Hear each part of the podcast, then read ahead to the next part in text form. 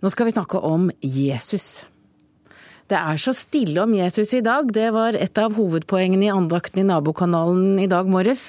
Tom Christiansen, eh, du prøver å gjøre noe med stillheten. Du har skrevet en bok om Jesus, opprøreren og fredselskeren. Hvorfor skal vi bry oss om Jesus? Ja, for Det er der du finner alle de historiene som har skapt den uh, kultur og de verdiene vi har. Der er lignelsene, der er beretningene, og der er hendelsesforløpet til Jesus som gjennom århundrer har danna bærebjelken i det som er blitt Norge og norsk tenkning og slike ting.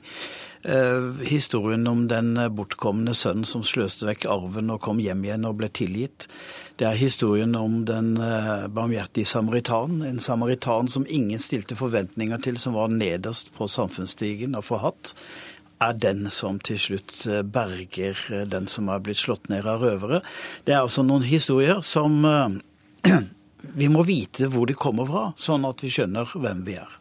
Du har skrevet en bok om Jesus, og når du leser den, så er det jo nesten en sånn eh, historie om en mann du lurer på hvordan går det egentlig med han, selv om du kjenner svaret. Og du har gjort han veldig menneskelig. Ja, jeg har lyst til å fortelle denne historien som om du aldri har hørt den før.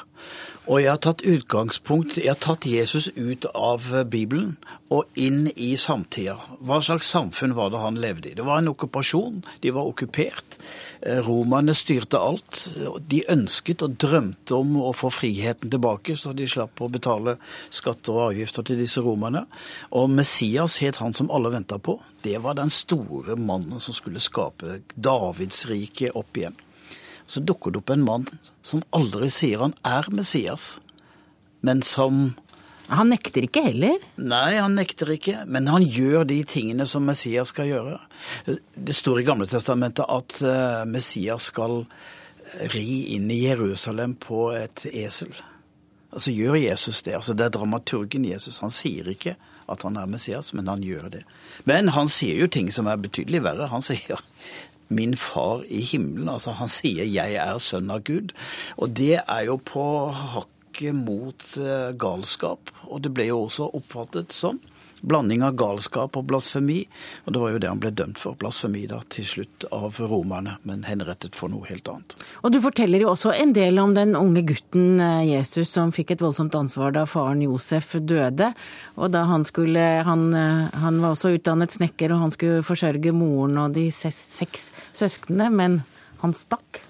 Ja, og Jesus er altså Han må ta ansvar som en far i huset, nesten. I en ung alder. Eh, slutten av tenårene, vil jeg tro det må ha vært. Og det er klart at det er mye ansvar ligger på han. Og så sier han når han er 30, han har grubla seg gjennom frem og tilbake, og så sier han jeg drar, jeg skal eh, bli profet. Jeg skal gjøre det jeg er satt til. Maria er helt fortvila. Og det ender med et voldsomt skisma mellom Maria og Jesus. Dette fremstilles i kunsten som det harmoniske, mor og barn. ikke sant? Maria Men dama var rett og slett rasende? Hun dro etter han sammen med to av brødrene til Kapernaum, hvor han dro, for ryktene var begynt å gå om at det var damer, at det var eh, tryllekunstner, det var nokså tvilsomme ting han var involvert i, og var i konflikt med alle for å få han hjem igjen. Og der bare avviser han sin mor. Min mor, hvem er min mor, hvem er min familie? Dere er min familie, sier han til eh, de eh, disiplene han har rundt seg. og de Han er. Han avviser sin mor, og moren sier, Maria, tror han har blitt sprøyte gæren. Og det er det en del andre også som tror. Og det som til slutt går så galt, det, det er jo ikke at de er redd for at det er Messias, det er jo fordi han er skikkelig bråkebøtte og romerne tør ikke ha ham gående lenger. Security reasons. Det er det det dreier seg om. Fare for rikets sikkerhet? Romerne vet at nå kommer påskehøytiden. Romerne vet at da kan det komme uroligheter. Det har vært fire Messiaser allerede som har lagd opptøyer. De har kommet med små hærer. Her kommer da mannen fra Nasaret, en ganske loslitt fyr i en skitten kjortel Eh, men kan, er han noe fare, spør Pontius Pilatus eh, seg rundt omkring. Folk sier nei, han har, ikke, han, han har noen sånn, eh, sånn, terrorister blant vennene sine, men han har ingen hær. Men han kan jo skape store opptøyer, for han samler jo massevis av folk. Det kan oppstå en situasjon vi ikke kan kontrollere. Og så er det altså at jødene, Det høye råd, som vil ha tak igjen og som dømmer han. På en tvilsom rettssak så blir han overført til Pontius Pilatus, som ikke finner noe, finner noe skyld. Men så sier de ja, men han har jo sagt at han vil eh, Han er jødenes konge. Er ikke det et form for statskupp? Ja, så er det vel kanskje det, men det er ikke det. Men han lar folket bestemme, og folkemengden har snudd fra palmesøndag. Så blir han eh, henretta. Og noe av det mest eh, mistenkelige han drev med, det var jo å føre alvorlige samtaler med kvinner. For det gjorde man ikke på den tiden. Nei, det står at Jesus samtalte med kvinnene, og det gjorde man ikke. Kvinner var i hjemmet og hadde stor respekt for å, å oppdra barn, føde barn og alt det. Kvinnen sto høyt i samfunnet. Men hun deltok ikke i teologi og politikk, deltok ikke i beslutninger. Men Jesus, når vi går langs landeveien, så ser vi for oss Jesus og de tolv disiplene. Han hadde mange flere enn tolv. Det var bare det symbolske for de tolv stammene. Han hadde også kvinnelige disipler. Og han gikk der og snakket med disse om åndelige spørsmål, om teologiske spørsmål. Hva er rett, hva er galt? Og han gjorde det på en, en, en måte som gjorde at uh, apostlene de reagerte. De følte seg skjøvet til side, men det var flere som reagerte. Nemlig sånn gjør man ikke. Det er høyst upassende. Hvorfor har historien holdt i 2000 år? Den holder fordi Paulus kom litt seinere og kunne gjøre dette til teologi.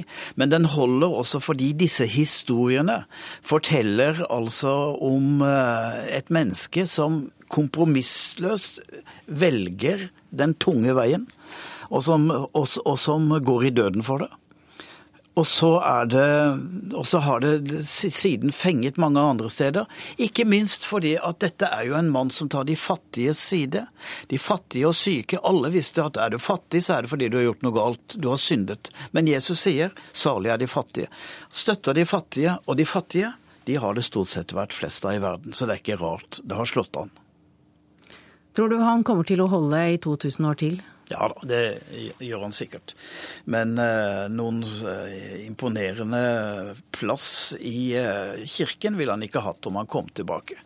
Han kalte datidens religiøse ledere for ormeyngel og hyklere. Og hvis han hadde reist seg og sagt det på et kirkemøte, så tror jeg ikke han hadde fått noen særlig eh, fete kall. De som er mer interessert, har lyst til å lese om Jesus, de kan eh, kjøpe boka til deg, Tom Christiansen. Du har skrevet altså boka 'Jesus opprører og fredselsker'.